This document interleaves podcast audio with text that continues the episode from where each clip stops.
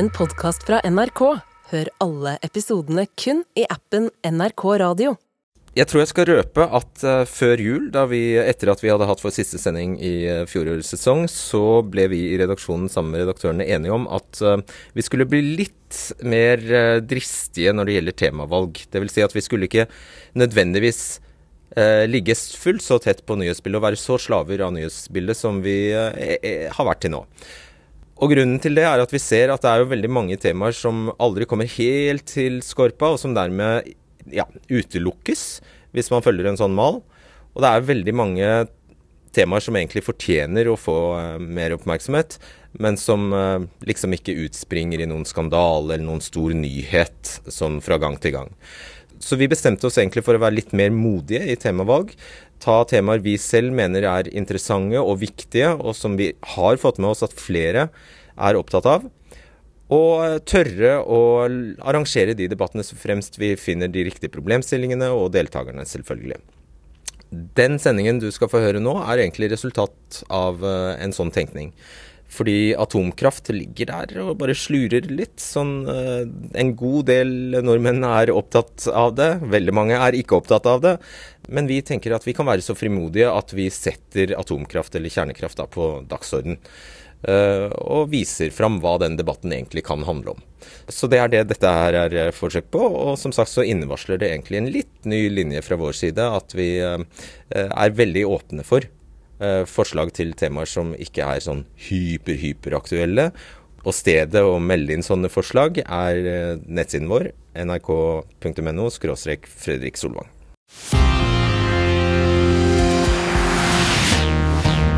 Hvis jeg sier kjernekraft, kan det hende du tenker stråling, becquerel, død, kanskje?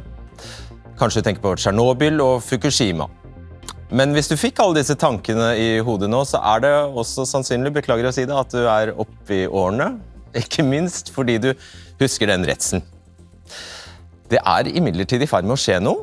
37% av unge mellom 18 og 29 år svarte i en Norstat-undersøkelse i fjor at de vil at Norge skal satse på atomkraft. Og over halvparten av norske menn svarte i den samme undersøkelsen at de vil at norsk kjernekraft skal løse energikrisen. Atomkraft er faktisk noe jeg tør påstå særlig unge menn og gutter skriver til meg at de ønsker som tema i debatten. Og nå er de fleste av dem litt eldre enn det du er, Ludimil Sørbø. Du er 14 år og går i åttende. Mm. Eh, du har vært her i Debatten-redaksjonen på OD-dagen for ikke så veldig lenge siden. Og Da jeg spurte deg om hvilket tema du aller mest ønsket deg i debatten, så svarte du faktisk kjernekraft. Hva er det som gjør deg så nysgjerrig på det? Eh, det er en utslippsfri og kraftig energikilde. Det er akkur vel akkurat det vi trenger i det grønne skiftet. og Derfor lurer jeg på hvorfor det ikke har blitt tatt opp mer. Mm. Men Vet du mye om kjernekraft? da? Eh, jeg har lest litt om det, og så har jeg sett Folkeopplysningen-episoden om det. Det har jeg også. Ludvig. jeg har også sett Folkeopplysningen. Veldig nyttig. Den eh, er fra 2018 og ligger i NRK TV. Jeg lærte veldig mye, så jeg anbefaler den hvis du blir nysgjerrig på det du skal få se i kveld. Og jeg har fått lov av Andreas Wahl, programleder her, om å låne en liten bit fra den episoden, altså en grafikk som veldig enkelt forklarer hva kjernekraft er. Så vi tar en titt på den først. Et kjernekraft- eller atomkraftverk fungerer som et hvilket som helst dampdrevet kraftverk. Vann, varmes opp og blir til damp, og dampen driver turbiner som lager strøm. Varmen kommer fra energien som frigjøres når atomer splittes, og det kalles en kjernefysisk fisjon. Et atomkraftverk har tilnærmet null utslipp på omgivelsene og er veldig rent. Likevel, det er to problemer som har med radioaktiv stråling å gjøre. Det første er at det produseres avfall. Det må tas hånd om i tusenvis av år. Og det andre problemet er faren for atomulykker. Ja, eh, Sunniva Rose, du er kjernefysiker og kommunikasjonsdirektør i Norsk Kjernekraft AS. Det er et ganske så nytt selskap. Det er det. Eh, etablert i fjor, og dere skal jobbe for noe så sensasjonelt som atomkraftverk i Norge. Hva er planen? Nei, Planen er jo nettopp da å få kjernekraft til Norge. Kjøpe såkalte små modulære reaktorer, som vi ser bilde av eh, her f.eks., og drifte disse i Norge. Som en del da på å bidra til at vi får, altså til det grønne skiftet, til at vi får regulerbar, trygg utslippsfri kraft til Norge. Da var det mange øh, det, det, det, det går veldig, Ta modulær først. Hvorfor kaller du dette eh, modulær? Hva er modulær? Nei, så Det som er med disse såkalte små modulære reaktorer, er at man beveger seg innen kjernekraftindustrien mot å da bygge mindre kjernekraftverk, og på da dedikerte fabrikker som serieproduserer eller masseproduserer dem, i motsetning til hvordan man har gjort det, hvor man har bygget gigakraftverk. og Da blir det ofte kostnadsoverskridelser ofte tidsoverskridelser. Men her får man da bedre kontroll på både kostnad og tiden det tar å bygge dem. De er fremdeles eh, i energi ganske De, de leverer mye energi. 300 megawatt, som gir oss 2,5 terawatt-time strøm per år. Hvor mye er det sånn cirka? Det er eh, jeg mener det er ca. strømforbruket til ca. 150 000 norske husstander. Ja, jeg sånn tror røffelig. at Norge bruker sånn 147, så Ja. 2,5 er jo ganske mye. da. Det er ganske- Så har vi det andre vanskelige ordet du, du begynte med her, og det, det var regulerbar kraft. Bare forklar kort hva det er. Nei, det er jo kraft til- som, I motsetning til ikke-regulerbar kraft, som dessverre er utfordringen til mye av det fornybare, som vind og sol. og Vi har jo merket det også nå på kroppen, og på, ikke minst på lommeboka. Vinden den blåser ikke alltid, solen skinner ikke alltid. Vannmagasinene er heller ikke alltid fulle. Mens da en fordel da med f.eks. kjernekraft er at nettopp den har brensel, og den produserer når du ønsker at den skal produsere. Ole Kristin Reistad, du er avdelingsdirektør ved Avdeling for miljøsikkerhet og strålevern ved Institutt for energiteknikk. Puh, var det riktig? Ja. Bra. Eh, og du var sjef for Norges siste atomreaktor på Kjeller, eller eh, ved Lillestrøm. Eh, men du vil faktisk ikke ha kjernekraftproduksjon i Norge. Det høres faktisk ikke betryggende ut. Nei, eh, eh, erfaringene eh, tilsier at dette blir veldig, veldig vanskelig. Og dette kommer til å ta tid. Det er ikke egnet til å, til å hjelpe oss til å nå de klimamålene vi har. Så, så har vi, enten så har vi superstrenge regler for noe av dette, eller så har vi ingenting i det hele tatt. Er vi, vi er egentlig ikke klare for dette. Er det ikke det bare fordi du ikke fikk det til? Vi fikk det til. Eh, Vi drev eh, reaktorer i 70 år eh, på IFE. Og, er egentlig ganske stolte av hvordan vi fikk det gjort i de årene. Hva er det du frykter? Nei, og så er det dette med sikkerheten. Sikkerheten er ikke god nok, sånn som kjernekraften har stått frem til nå. Vi må løse både dette med ulykker, og vi må være i stand til at flere land får løst avfallsproblemet enn bare de få som har løst det til nå. Ja, altså vi kan ikke snakke om en energikilde som f.eks. kjernekraft uten å sette den i kontekst og sammenligne den med andre energikilder. Og da er jo faktisk fakta det at det er ingen energikilde som er sikrere enn det kjernekraft eh, er. Og også både historisk, hvis du ser på dødsfall per terawatt-time, som kun er ett mål, selvfølgelig. Men det er heller ikke kjernekraft som står for de dødeligste enkeltulykkene. Det er det faktisk vannkraft som, eh, som står for. Og så har du jo sånn som eh, det til EUs vitenskapspanel, som har gjort analyser av alle energikilder, og har regnet seg fram til at dersom alle kjernekraftverk i verden byttes ut med moderne kraftverk, så kan vi forvente et dødsfall per 315 år pga. Eh, ulykker på de kraftverkene. Det var nok Det var ikke sånn kjernekraften skulle være. Det var ikke det som lå opprinnelig i kjernekraften. Hva Det, mener du da? det vi har erfart, er at det skjer eh, Det skjer en større ulykke hvert tiende år I, i verden. Og vi må være forberedt, og industrien må være robust nok til å kunne håndtere en ulykke så ofte, for det kommer til å skje. Er det dødelige ulykker nødvendigvis? Det er ulykker som, eh, som Fukushima vil jo si at eh, spørsmålet om antall dødsfall er et godt mål på ulykker, når man ser hvilke konsekvenser både ulykkene i Tsjernobyl og Fukushima har hatt. Om det egentlig er et godt mål på ulykker.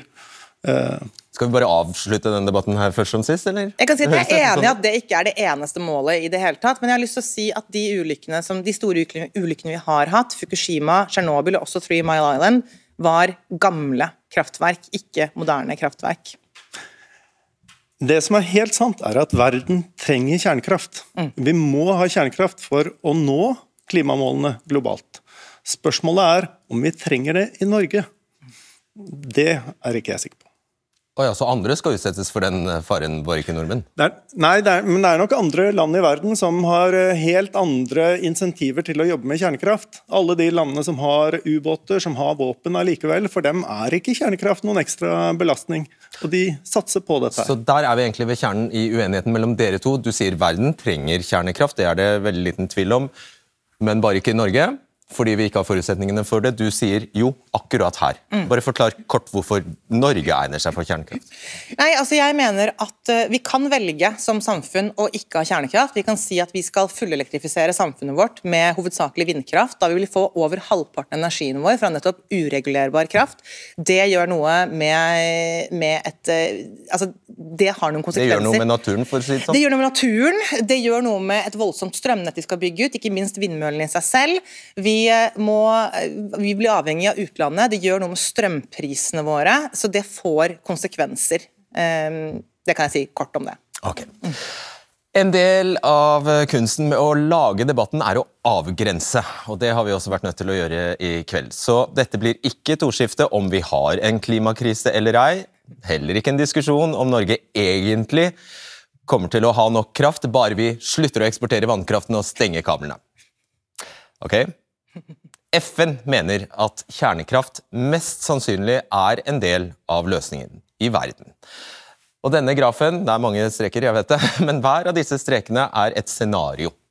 Og denne grafen viser at uh, i de aller fleste av FNs klimapanels scenarioer hvor vi, hvor vi får energien vår fra, eh, fra fram til år 2100, så er kjernekraft en del av det. Og I det mest ekstreme scenarioet, som blinker nå, så er kjernekraft 20% av verdens energibruk. Mens snittet av scenarioene viser at vi, ja, andelen holder seg ganske stabil på om lag 5% i de fleste scenarioene. Det vi skal legge merke til er Kjernekraft er en del av de aller fleste scenarioene og ikke ute av ligningen ja, er bare ute av ligningen i noen få scenarioer. Hvis vi så ser på Norge, så spår NVE at Norges kraftoverskudd minsker veldig fram mot 2030. og ja, Statnett er enda mer pessimistiske. De tror vi får kraftunderskudd allerede i 2026 i Sør-Norge. Så når verden sårt trenger mer og fossilfri energi fort, er da løsningen også for Norge kjernekraft. Eh, Jonas Kristiansen Nørland, du er eh, førsteamanuensis eh, ved Institutt for elektrisk energi ved NTNU, og du mener at denne debatten er preget av en masse misforståelser og myter, for du sier ja til kjernekraft i Norge? Ja, eh, jeg gjør jo det fordi vi har vannkraft. ikke sant? Det høres kanskje litt rart ut at jeg sier at vi må ha kjernekraft i Norge fordi vi har denne verdifulle vannkraften. Og Det er nettopp fordi at eh, denne vannkraften er så verdifull for Norge hvis vi skal gå gjennom det grønne skiftet og bygge ut store deler eh, med uregulerbar kraft. Så trenger vi faktisk å utnytte vannkraften vår vesentlig bedre enn det vi gjør i dag. Vi kommer til å måtte gjøre noe som ligner på det som skjer i Sverige. Der bygger de en tredjedel kjernekraft en tredjedel eh, vannkraft, og en tredjedel av energien er forespeila å være eh, uregulerbar Ja, Men de har mange færre fosser enn oss.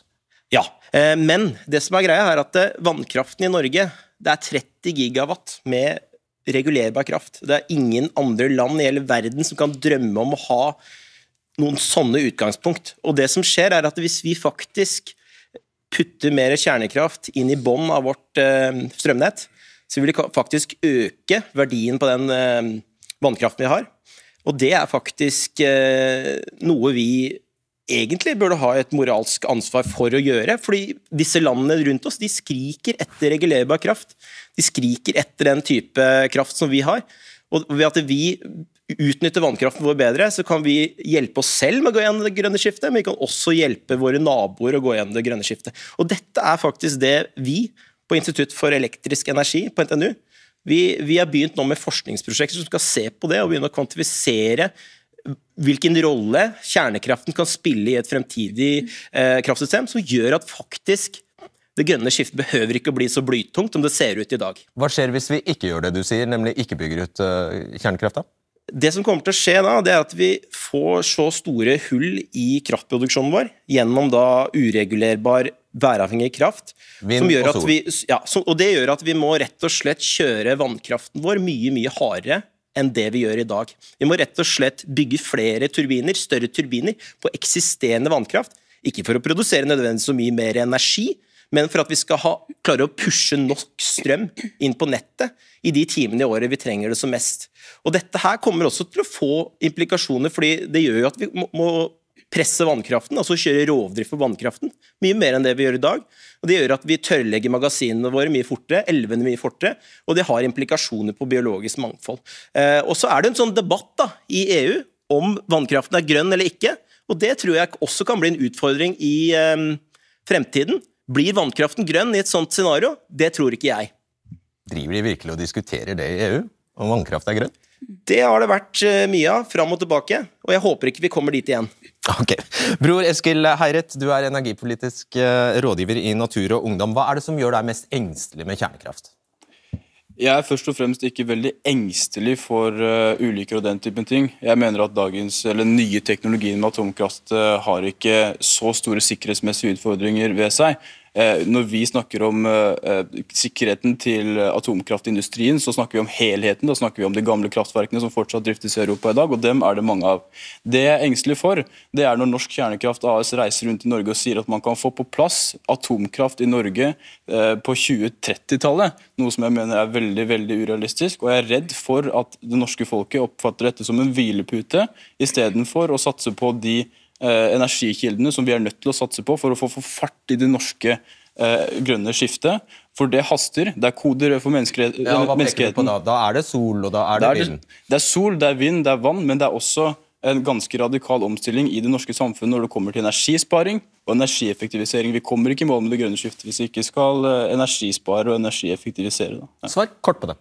Historisk så er kjernekraft den energikilden som har vært raskest på å bygge ut eh, CO2-fri energi. Det har vi sett i Frankrike, Sverige og ikke minst Tyskland. Når du sammenligner hvor fort Tyskland klarte å øke andelen fossilfri energi i sin energimiks ved da de bygget ut kjernekraft, med alt det de har gjort nå med Energivende, så er det de har holdt på med de siste årene, det, det er ikke sammenlignbart engang. Men det han er engstelig for, er altså at det skal gå på bekostning ja, men det var ti, Han sa tiden, så ja. ja. Eh, eh, velkommen hit, Hadia Tajik. Du er stortingsrepresentant for eh, Arbeiderpartiet. Hva mener dere? Altså, vi mener jo at Når Norge og verden står både i en klimakrise og en energikrise, så må man selvfølgelig vurdere alle alternativer. Eh, og Spesielt så er jeg opptatt av å eh, altså velge de alternativene som raskt får strømprisene ned. Mm. Eh, og nå er det jo sånn at Den regjeringa vi har, den har en plan for hvordan vi trygt og raskt og billig skal kunne jobbe fram den type alternativer. og Atomkraftverk er ikke en del av de eh, alternativene. Og Det jeg er bekymra for, det er at atomkraftverk skal kunne bli en dyr og, litt utrygg omvei eh, til å få tilgang til mer kraft og det å få prisene ned. Men jeg vil understreke at man må gjerne forske mer, man må gjerne studere mer og få mer informasjon om det. Men Arbeiderpartiet er ikke klare for å si ja til kommersiell utbygging av eh, kjernekraft i Norge. Så du stenger døra for, for, henne før hun har begynt? Altså Sånn som situasjonen i dag er, med den informasjonen som vi har i dag, så er det for utrygt, for dyrt, og det kan bli en omvei i en situasjon der vi raskt trenger tilgang på kraft. Vi ber ikke om penger, vi ber ikke om subsidier. Vi ber bare om å få lov til å være med og konkurrere med de andre energikildene på lik linje. At dere ikke sier nei.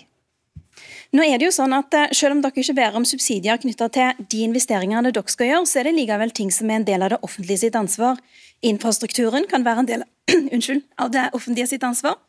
Eh, avfallshåndteringen er en del av det offentlige sitt ansvar. og Norge har jo noe erfaring med kjernekraftverk, ikke mye, men på forskningsstadiet så har vi hatt fire mindre reaktorer.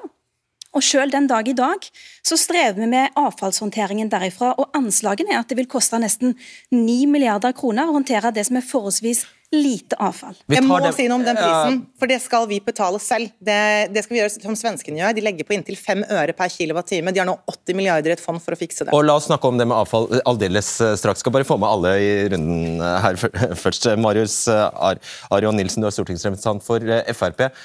Og dere, som det første partiet på Stortinget, eh, er i dag ute og si, holder, åpner døra på gløtt for norsk kjernekraft. Er det riktig? Det stemmer, det. Vi tar til orde for å skaffe mer kunnskap og, og, få mer kompetanse på feltet. Ikke bare smelle døren igjen da, når man har prisverdige initiativ som man ser nå her fra Norsk Kjernekraft AS. Dette er subsidiefri eh, energiproduksjon, dvs. Si at det ikke er skattebetalerne som må betale. Og Da er det med tanke på det enorme kraftbehovet vi har framover, spesielt da med alle partiene som skal elektrifisere alt fra mellom himmel og jord, så kan man ikke Man har ikke råd til å unngå å se på en så eh, god regulerbar og, og trygg eh, energiform som kjernekraft. Så bare for å ha det helt klart. Frp, Fremskrittspartiet, er for å plassere ut små atom, atomkraftverk i norske bygder? Det vi eh, tar til orde for i dette forslaget vårt, eh, først og fremst er å få på plass kunnskapen. og Vi ønsker å tilknytte oss europeiske forskningssamarbeid. Vi ønsker å bidra til å kunne realisere små, moderne kjernekraftverk globalt. Alle vil sikkert øke kunnskapen, kan du ikke bare svare på det spørsmålet? Ønsker dere atomkraftverk i Norge? Først må vi ha eh, kompetansen eh, og informasjonen, men vi ønsker å utrede det. Vi ønsker å se på mulighetene og, eh, og behovet for å kunne se på kjernekraftverk i Norge. Det er en naturlig del av energimiksen framover. Vi, vi stiller døren åpen og ønsker å vurdere det. Så hvis du måtte bestemme i dag, så er svaret nei? Hvis jeg hadde måttet bestemme i dag, så hadde jeg måttet hatt mer informasjon. Det er uansvarlig å ta en sånn beslutning før vi har bedre kunnskapsgrunnlag. Vi trenger mer kunnskap. Ok, kort. Yes. Så jeg har egentlig en utfordring til Hadia Tajik. Eh, fordi jeg lurer på er det ikke slik at politikernes oppgave det er å fasilitere så alle utslippsfrie teknologier kan konkurrere på like vilkår? Er det virkelig politikernes oppgave å diktere og kneble løsninger som til og med ikke trenger massive subsidier? da? Sånn som f.eks. Eh, havvind kommer til å trenge. Er det ikke greit at vi også har løsninger som klarer seg å stå på egne ben? Det er et veldig bra spørsmål. Og Grunnen til at det likevel er sånn at man politisk må ta stilling til hva slags kraft man skal slippe til, og i hvilken mengde, det er fordi kraft er ikke som en hvilken som helst annen vare i et hvilket som helst annet marked. Det krever eh, ofte en del naturinngrep og har konsekvenser for natur og miljø. Til og med etablering av eh, kjernekraftverk. Eh, og i det øyeblikket det er snakk om å forvalte naturen eller miljøet, så får det konsekvenser både for de som lever i dag, men òg de neste generasjonene. Og jeg vil bare understreke at hvis det var sånn at kapitalinteressene alene fikk bestemme eh, hvor mye vi skulle bygge ut knytta til kraftverk, så ville vi bygd ned eh, altså for, fossene våre for lenge siden. Men man er nødt til å ha noe som gjør de helhetlige vurderingene. Det gjør staten fordi naturressursene er folkets eiendom. Ok, da skal vi... Jeg har en oppfølging på det. Hvis jeg kan ta Veldig kort. Ja. Eh, jeg vil bare si det at eh, akkurat der så er det nettopp det som er poenget med kjernekraft at dette her er den energifirmen som krever desidert minst areal av noen annen energiform. Det krever ikke å bygge ned urørt natur. Så det er ikke, det er ikke gratis natur du, du, bygger på her. her. her. bruker du nesten ikke areal. Bare hold, bare hold på svaret ditt, fordi vi, vi skal ønske velkommen til deg, Hanne Berit Brekken. Du er ordfører for Arbeiderpartiet i Aure kommune på Nordmøre. Og du har fortalt oss at du har brukt store deler av jula på å lese deg opp på kjernekraft. Og du, har du konkludert? Uh, ja, det stemmer. Jeg har brukt mye tid på å få økt kunnskap på området. Vel bekomme. Det, det, er jeg veldig for. Uh, jeg er veldig nysgjerrig på moderne kjernekraft. Jeg må presisere det, at det er moderne kjernekraft jeg er interessert i. Jeg ønsker mer kompetanse på det området her. Vi gjør veldig mye bra. Eh, vi satser nå på havvind, vi satser på solenergi, vi satser på å oppgradere vannkraftverkene våre. Men skal vi ta del i det grønne skiftet og også gi muligheter for ny næringsetablering, så tror jeg vi trenger mer, og vi trenger også stabil kraft i den norske kraftmiksen. Ja, Da må du forklare hvorfor akkurat du, som ordfører i denne kommunen, med Kjellbergodden, eh, hvorfor eh, behovet er så prekært for dere? Eh, ja, Vi er en kommune med kraftunderskudd. Eh, vi har eh, Equinor Kjellbergorden, som du sier, som produserer metanol. De ønsker å gjøre sin metanol grønnere. Det vil kreve utrolig mye kraft. Vi har også industri som er etablert, som ønsker mer kraft. Og vi har også industri som ønsker å etablere seg. Vi har næringer som jeg må si nei til, fordi at de ikke har nok kraft. Og det er utrolig frustrerende i ordførerjobben å måtte si nei til etablerere som kommer og ønsker å skape arbeidsplasser i min kommune. Eh, jeg vet ikke hvor stor kommunen din er, men det ser ut som det er mye fjell. Er det ikke plass til mye vindkraft her? da? Vindmøller? Ja, og der er du inne på noe, og det er det som er kanskje et av argumentene mine for at vi bør se mer på kjernekraft. Eh, fordi vi har hatt folkeavstemning i Aure, vi har sagt nei til vindkraft. Men man kan ikke si nei til alt, og derfor så er vi avhengig av kraft skal vi kunne utvikle kommunen videre. Og da tenker jeg at kjernekraft kan være eh, en del av løsninga for oss. Vi har mye industri på lite areal. Eh, og Der tenker jeg at kjernekraft er veldig aktuelt. Det er, som var nevnt her i stad, det krever lite areal. Vi slipper å bygge ned uberørt natur, for det vil ikke folk. Det er et viktig poeng i det. Det er ikke utslipp av klimagasser. Og så Det siste det er at jeg er for industri, jeg er for utvikling av norsk industri. Vi må gi industrien vår føtter å stå på. Og I den sammenhengen så tenker jeg at får du etablert kraft der industrien er, som kan kjøpe kraft før det legges ut i det internasjonale markedet, så er det veldig positivt for norsk industri. Jeg legge til at det, Hvis vi kan gå tilbake til det forrige bildet vi hadde på skjermen her, så er det altså et bilde du Marose, har sendt oss. og jeg går ikke god for, eller Det er, det er ikke et bilde engang, det er jo, det er jo en modell, en ja. illustrasjon av hvordan så, et sånt eh, kjernekraftverk kan se ut. og Det er omtrent like stort som en fotballbane. Fotballstadion er ca. det man har sett på. ja. Ok, Har du vært på besøk i Aure kanskje, og hvisket noen, noe i øret? Jeg har ikke det, men det jeg kan si er at, uh, at det har vært uh, samtaler mellom, uh, mellom Norsk Kjernekraft og, og, Aure kommune. Fordi det er mange kommuner rundt omkring som er veldig nysgjerrige på det her og tar kontakt med oss. Mm. Kommer straks til spørsmålet om hvor du skal lage, lagre dette avfallet, Brekken. Men Hadia Tajik, dette er jo kjempeinteressant mm. at, eh, kraft, at kommuner i Norge nå begynner å snuse på atomkraft. Ja, jeg skjønner veldig godt at eh, ordføreren i Aure både er utålmodig eh, og er opptatt av å sikre nok kraft til kommunen sin, og ikke minst er opptatt av å sikre industriutbygging, for det er jo det det handler om. Det er altså, investorer som er interessert, men de trenger òg å være forsikra om at man har tilgang til nok kraft og nok utbygd nett. Det prioriterer denne regjeringa. Og Hvis man sammenligner da, de eh, planene som vi har for den første fasen for havvindsatsinga vår, så vil vi innen eh, midt på 2030-tallet klare å produsere nesten åtte ganger så mye som ett kjernekraftverk som norsk eh, kjernekraftverk signaliserer de vil kunne klare å produsere. Så Med de planene vi har, så vil vi kunne produsere mer, tryggere, raskere, billigere. Og Arbeiderpartiet mener at det er rett vei å gå. Hva svarer du til det? Uh, jo, jeg tenker at Vi har mange utfordringer med det her. Det er det ikke noe tvil om. Det er derfor vi står i debatten nå. Uh, det med avfall spurte du om. Ja, bare ta det, men, altså, ditt eget parti sier, peker egentlig på hav, havvind, som Hadia ja. Tajik gjorde her nettopp. Hvorfor gjør ikke du det? Jo, men Jeg sier ikke at jeg ikke peker på havvind, men jeg sier at havvind det skal vi satse mer på. Vi skal satse på sol, vi skal satse på vann. Men vi trenger stabil kraft. I tillegg til det skal vi møte behovet inn i framtida. Okay, da skjønner vi. Og nå lurer jeg på, Hvor skal du gjøre avfallet? For det blir avfall, og det blir livsfarlig avfall. Det er det heldigvis hun som skal løse. eh, men, men det, det, det, er jo det ene problemet. Jeg ser, egentlig så er det fire problem som jeg ser blir løfta opp. Avfall åpenbart. Vi må ha mer kompetanse på det, og vi må ha en, en, en plass vi gjør av avfallet. Det er, jo, det er, jo, helt klart. Eh, prisen det er jo helt klart. Det, prisen må ned, det må være konkurransedyktig. Eh, så har vi også her, den mentale biten. og Den synes jeg er veldig legal. Det er nevnt her. Altså, det har vært store ulykker. Eh, moderne kjernekraft så mener jeg at det, fjerdegenerasjons kjernekraft det er jo et kvantesprang i forhold til det med sikker kjernekraft. Så jeg tenker at det er det som er veien å gå på sikt. Og så har vi det med kompetanse som også blir dratt fram som et veldig sånn barriere. Men da vil jeg bare si at hvor var vi på 60-tallet? Da hadde vi kompetanse på olje og gass da? Nei, vi hadde ikke det. Men se hvor vi er hen i dag. Så det er ikke umulig. Eh, vi må tilegne oss kompetanse, og det er mitt mål. Hvem vet mest om avfallet? Hvor skal det gjøres av? Ja? Jeg kan si noe, starte med å si noe om avfall, eh, jeg. Eh, for det skal jo da deponeres langt ned i bakken. Men først har jeg lyst til å si at for avfall blir naturlig nok trukket fram med kjernekraft. Man får radioaktivt avfall. Men det blir som om man ikke får avfall fra andre industrier, fra andre energikilder. Og da er det faktisk sånn at kjernekraft, når vi igjen ser på da hvor mye avfall per kilowatt-time energi som vi får ut, så er det ingen energikilde som produserer mindre avfall, som produserer mindre farlig avfall. Så har vi sagt det. Men vi skal deponere det. Og det skal vi da grave 400-500 meter ned i bakken. Dette er etter hvordan finnene har bygget sitt deponi.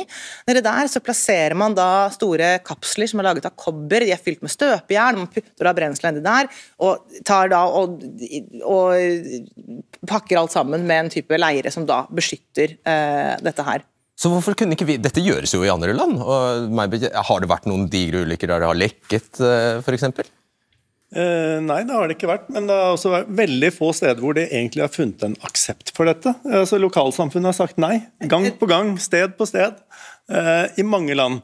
Og det er ikke noe altså, uansett om vi skal ha kjernekraft eller ikke, det er ikke noe tvil om at vi må ha et internasjonalt samarbeid, forskning på sikkerhet. Kjernekraften må vi forholde oss til. Så I så måte så må vi fortsette langs den veien Frp sier. Vi må utrede, som andre sier. Vi kommer ikke noen vei, annen vei enn å forholde oss til dette. Det er riktig. Men jeg, blir fortsatt, jeg er fortsatt nysgjerrig. Kjernekraft har jo eksistert i så mange tiår, så et eller annet sted gjør det jo til slutt av eh, dette avfallet. Så hvor, Nei, det det hvis det ikke havner i nabolag, da, hvor havner det da? Det er det som er problemet. De lagrer avfallet på de anleggene der kjernekraften har vært drevet. Det var det som var problemet med Fukushima. Men det skal det jo gjøres også, inntil det skal det, deponeres. Det men, skal jo ikke deponeres med en gang. Men hva skjedde i Fukushima? Der ble brenselet lagret på anleggene rundt om i hele Japan, og det er det den dag i dag. Hvor skal du gjøre det? 18 400 mennesker døde pga. jordskjelv og tsunami. Det var en helt enorm naturkatastrofe. Det må vi jo også ta med, da. Det, det, er jo det som er viktig. altså I forhold til geologiske forhold så er jo Europa et av de tryggeste stedene å ha dette. og man må jo lære av... Fordi det ikke er så mye jordskjelv her? Nettopp, ja. Man må jo lære av tidligere hendelser. og Er det et land som har forutsetninger for å kunne håndtere dette, så er det Norge med vår sikkerhetskultur på norsk sokkel. Vi har jo tiår bak oss med å utvikle et av verdens beste miljø på dette. der alt rapporteres, avvik meldes, og du forbedrer det. Det må vi selvfølgelig gjøre her, og hvis vi går den veien. Uh, det, vi skal jo gjøre spektakulære ting som å invitere hele Europa til å pumpe ned CO2-en sin i våre hav, i vår havbunn. Så kunne vi ikke ha plassert litt atomavfall der også? Jo, ikke sant? Og så må vi huske på det at Norge allerede har ca. 17 tonn med brukt radioaktivt avfall. Og Det er til stor hodebry for staten vår. Norsk Norsk nukleærdekommisjonering er etaten som har fått ansvaret for å rydde opp etter den norske atomforskningen. De skal bygge et eh, lagringsanlegg sånn som Sunniva Rose peker på her. Hvis eh, Norsk Kjernekraft AS skal følge NED sin modell, de kjører gjennom de sammenlignbare prosessene som Norsk Kjernekraft AS må, må ta for seg hvis de skal bygge et anlegg. De sier at de kommer til å få på plass et anlegg på ca. 2050-tallet. Med de tidsperspektivene så har ikke dette noen ting med klimakrisen å gjøre. Eh, atomkraft løser ikke klimakrisen. Avfallet skal jo ikke vi, nå, altså Avfallet som man da produserer, la oss si at man bygger et kjernekraftverk på midten av 30-tallet, så har man jo ikke behov for et deponi på 30-tallet. Det avfallet skal mellomlages, fordi det aller aller meste av radioaktiviteten blir borte før man endelig deponerer det. Én kommentar om aksept. fordi Finland og Sverige har de bygget disse deponiene, og de har stor aksept. I Sverige så var det 83% i den kommunen som er positive til Så det er flere som er for deponi i kommunen, enn de som er mot vindkraft i eh, Aure kommune. Jeg ser fingrene, jeg ser dem. Jeg skal bare huske på at Vi har eh, Jan Emlemsvåg eh, også med oss, professor ved Institutt for havromsoperasjoner og byggteknikk ved NTNU. Og De som følger denne kjernekraftdebatten, dere er en anselig gjeng.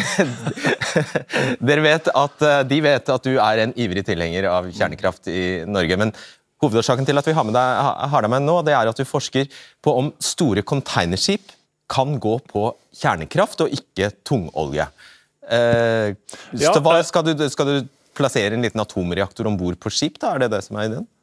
Ja, sett og vis så kan han si det sånn veldig forenkla. Da. Eh, og da må man også skjønne at dette gjelder ikke bare containerskip, men egentlig alle store skip. Og For å skjønne motivasjonen bak, da, så må vi ta bare knøttlite eksemplifisering. Et sånt stort containerskip trenger ca. 1 terawatt-time i året med energi. Hvis vi skal konvertere den energibruken til f.eks. grønn ammoniakk via hydrogen og alt det som blir ofte sagt, så trenger vi faktisk 2,2 TWh med elektrisk energi. Vil si alle norske vindkraftparker er i stand til å drive fem skip. Her er 580 sånne store containerskip i verden. De vil trenge nesten halve Europas totale kraftproduksjon skal du få nok energi. Så kommer store bulkskip, cruiseskip, alt det store. Til sammen så står disse for kun 2% av verdens CO2-utslipp fra kraft. Men det jeg lurer på da, og det jeg tror mange lurer på, er da hvem tror du gjerne har lyst til å være skipper eller for så vidt cruisegjest på de skipene? Det tror jeg faktisk ganske mange. fordi at Regelverket rundt eh, kjernekraft er vanvittig strengt. Og Vi legger også opp til fjerdegenerasjonsreaktorer, som er enten det vi kaller passivt sikre eller eh, innebygd sikre. Så de er eh, veldig, veldig veldig, veldig trygge. Ja, de går jo ned iblant, disse skipene. Det vet vi jo veldig godt. Det er uvær, det kan synke rett og slett. Hva skjer? Det stemmer. så I vårt konsept- og mulighetsstudie så ser vi faktisk på hva skjer hvis skipene går rundt, helt rundt, synker, alle mulige sånne ting. Alt, alt, skal utredes. For å si det sånn da, Når Newscale i Seattle nå fikk uh, løyve fra amerikanske stat, lisens, så måtte de sende inn 160 000 sider med dokumentasjon. Mm. Vil du ta kortversjonen av altså Nå er jo dette uh, nå, nå, er jo forslaget om disse modulære, små modulære uh, reaktorene her, uh, og debatten er i gang. Hva er ja. din holdning? Nei, jeg mener det at For det aller første så må vi skaffe oss mer kunnskap. Det er noe basic. da. Og Så må vi ikke minst se mulighetene. Vi kan gjerne snakke om for hva IFE har fått av budsjett opp gjennom tida. Men vi må heller ikke glemme at en konsekvens av den forskninga som var gjort av IFE, så er vi f.eks. Ja, multilaminær ja, Institutt for energiteknikk, der han Reistad kommer fra. Takk. Eh, som en konsekvens av forskninga her, så ble det utvikla multilaminær eh, flow, som blir brukt i olje og gass i dag. Sikkert det regnestykket for hele satsinga i Norge, selv om vi bruker nå noen milliarder på å rydde opp, er faktisk kjempepositivt. Jeg tror vi tok poenget, selv om vi ikke skjønte halvparten av det. Ja. ja. ja. Jeg tror vi tok poenget. Okay. Eh, du kan svare på det. Du, fikk du for lite penger? Var det derfor det ikke gikk så bra? Eh, nei, eh, absolutt ikke. Altså, vi, kjernekraften i Norge, som det har vært brukt i forskning i mange år, har jo vært eh, bakgrunnen for hva var det, århundrets eh, innovasjon i Aftenpostens kåring, det som Emblemsvåg nevnte. Mm. Så, så, det har kastet mye av seg over mange år mm. og har vært godt investerte penger. Hva, hvorfor la, la, man dere ned? Nei, eh, Eh, altså det var nok eh, noe i vår eh, virksomhet som gikk på testing av ulike brensel i en verden hvor anlegg ble standardisert og forenklet. Som gjorde at det var mer krevende å drive den typen forskningsvirksomhet som vi holder på med. Altså når det gjelder forskning og studier, så støtter Arbeiderpartiet det fullt ut. Altså bare For eh, årets budsjett så har vi jo satt av penger til nesten 40 nye studieplasser innenfor nukleære fag, eh, som kan frambringe mer kunnskap. Vi har satt av mer penger til forskning på akkurat dette feltet her. Eh, og Det vil være nyttig kunnskap, men jeg vil understreke at For vi må hva da, hvis dere har tenkt, aldri tenkt å bygge noe? Det som er viktig er at Med den kunnskapen som vi har i dag, så har vi ikke grunnlag for å tro at Norge har spesielt gode forutsetninger for å lykkes på dette feltet. Altså Land som har mye erfaring med eh, arbeid på kjernekraft, eh, har hatt ganske kompliserte erfaringer. Ta f.eks. Finland. Eh, de skulle egentlig ha et kjernekraftverk oppe og stå i 2010. Det ble utsatt i tolv år, altså med forsinkelser. Det ble dobbelt så dyrt. Og med de erfaringene de har helt fra 1970-tallet, så er jo det ganske påfallende at eh, Finland med den kompetansen likevel lykkes så dårlig. Storbritannia er et annet eksempel, som har eh, planlagt et kjernekraftverk nå som har vært utsatt i to år, og det har vært store kostnadsoverskridelser. Og vi må ha et realistisk forhold til at vi kan mye om sokkelen, vi kan mye om havet, vi kan mye om vannkraft. Altså, vi har kompetanse på mye, men ikke så mye på kjernekraft. Jeg må bare, jeg må bare si det at det, det du sier om eh, konstruksjonstid, det, det, stemmer rett og slett ikke. Altså Median konstruksjonstid for kjernekraftreaktorer på verdensbasis det er på syv år. Det er omtrent det samme som på 80-tallet, når, når, kjernekraften satt verdensrekorden i raske utslippskutt. Så det er rett og slett helt feil. Det er helt feil. Og grunnen til at du Det, du peker på Det er det ikke. Det er, det du, et kommunistisk Kina bygger fort, men sånn vil vi ikke bygge. Nå snakker vi om blant annet Sør-Korea, det er ikke kommunistisk Kina. I, for, i, forhold til, si, i, forhold til, det med Stortinget, det er jo derfor det er så veldig spesielt at har, man har bare skutt ned alt det som kommer i forhold til kjernekraft. Man har bestemt seg før man har kompetansen. Det er derfor vi kommer med forslaget vårt, der vi ønsker å få kompetanse på plass.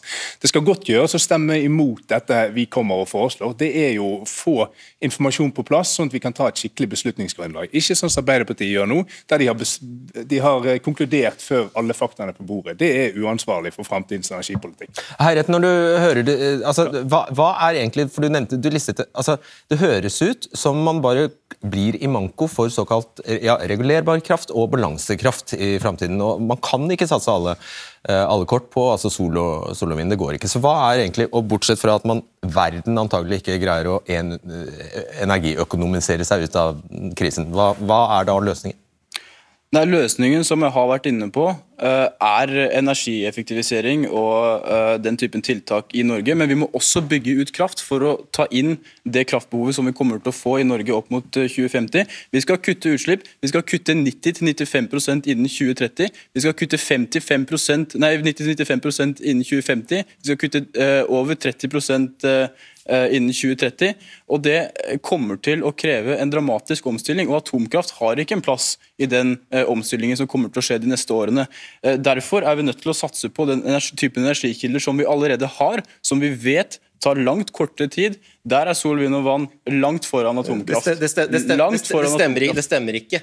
Det kommer til å ta kjempelang tid både med havvind og med solkraft i Norge. Det vet vi alle. Det er lange lange konsesjonstider. Vi har ingen konkurransefortrinn på noen av disse energikildene. Vi har de dårligste solforholdene i hele Europa, 8,8% kapasitetsfaktor. Selv om vi har da gode, gode vindressurser ute i Nordsjøen, så har vi faktisk det dypeste havet og de dårligste grunnforholdene i Europa. Vi bygger den dyreste havvinden i hele Europa. Vi har ingen konkurransefortrinn på noen av disse tingene her. Dette er bare ønsketenkning og fantasi. Det vi må satse på, det er der vi har konkurransefortrinn. Der har vi bl.a. konkurransefortrinn på kjernekraft, fordi vi har geologisk stabile grunnforhold. Mye bedre enn Frankrike. Det er mye lettere å dimensjonere for.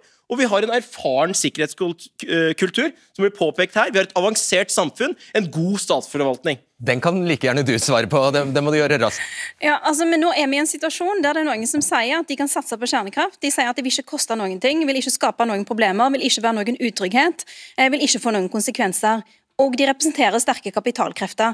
Det må være lov å møte det med en sunn skepsis og si Hold, altså, hold, igjen her. Vi må vurdere hva vi har forutsetningene for å lykkes med. Vi må gjøre nødvendige prioriteringer. Og så må vi selvfølgelig forske mer, studere mer, få mer kunnskap på bordet. Men med de faktaene vi har, så er det ikke her vi har forutsetningene for å lykkes. Rose, eh, eh, du nevnte storkapital, kaller Hadia Tajik det. Men, men, det er altså faktisk meg bekjent sosialdemokrat og mange milliardær Trond Moen. Trond Moen i Bergen som, som står bak selskapet. Forklar veldig kort hvorfor han vil det.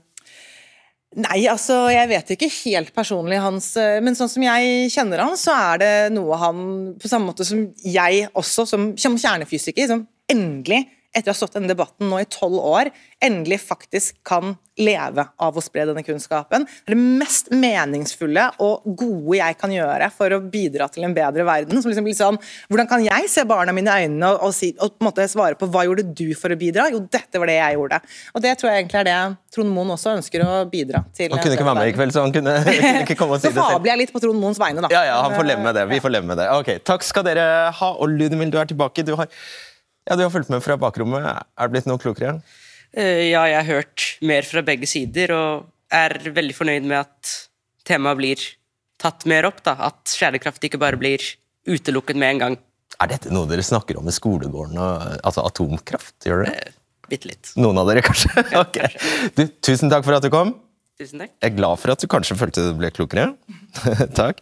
Håper du også ble det. Og i stedet for å foreslå temaer til Nei, stedet for å foreslå temaer til debatten er nrk.no Fredrik Solvang. Der kan du enkelt fylle ut et skjema. Akkurat neste sending faktisk, så har vi allerede begynt å planlegge den. På torsdag skal vi diskutere norsk eldreomsorg. Sessa. Jeg lærte i hvert fall mye av dette, og så skulle jeg ønske at sendingen denne gangen hadde vært dobbelt så lang. Fordi det er fortsatt mye jeg lurer på. Men ofte fungerer jo debatten sånn at uh, det blir en smakebit, og det vekker uh, ja, en appetittvekker, kanskje. Jeg lever i hvert fall med at det er den funksjonen vi kan ha av og til. Ok, som sagt, det blir eldreomsorg på torsdag. Tungt, stort, veldig aktuelt tema i forbindelse med Brennpunkt, som altså kommer med sin episode nummer to om ståa i norsk eldreomsorg i morgen på onsdag. Jeg har ikke sett den, så jeg er like spent som alle andre. Uh, men jeg har hørt rykter om at um, det ikke er noe lystigere bilde av eldreomsorgen som um, tegnes denne gangen her, fordi de tar for seg sykehjem. I forrige episode var det jo hjemmesykepleien. Takk for at du hører podkasten av Debatten. Vi høres. Ha det. Du har hørt en podkast fra NRK. Hør alle episodene kun i appen NRK Radio.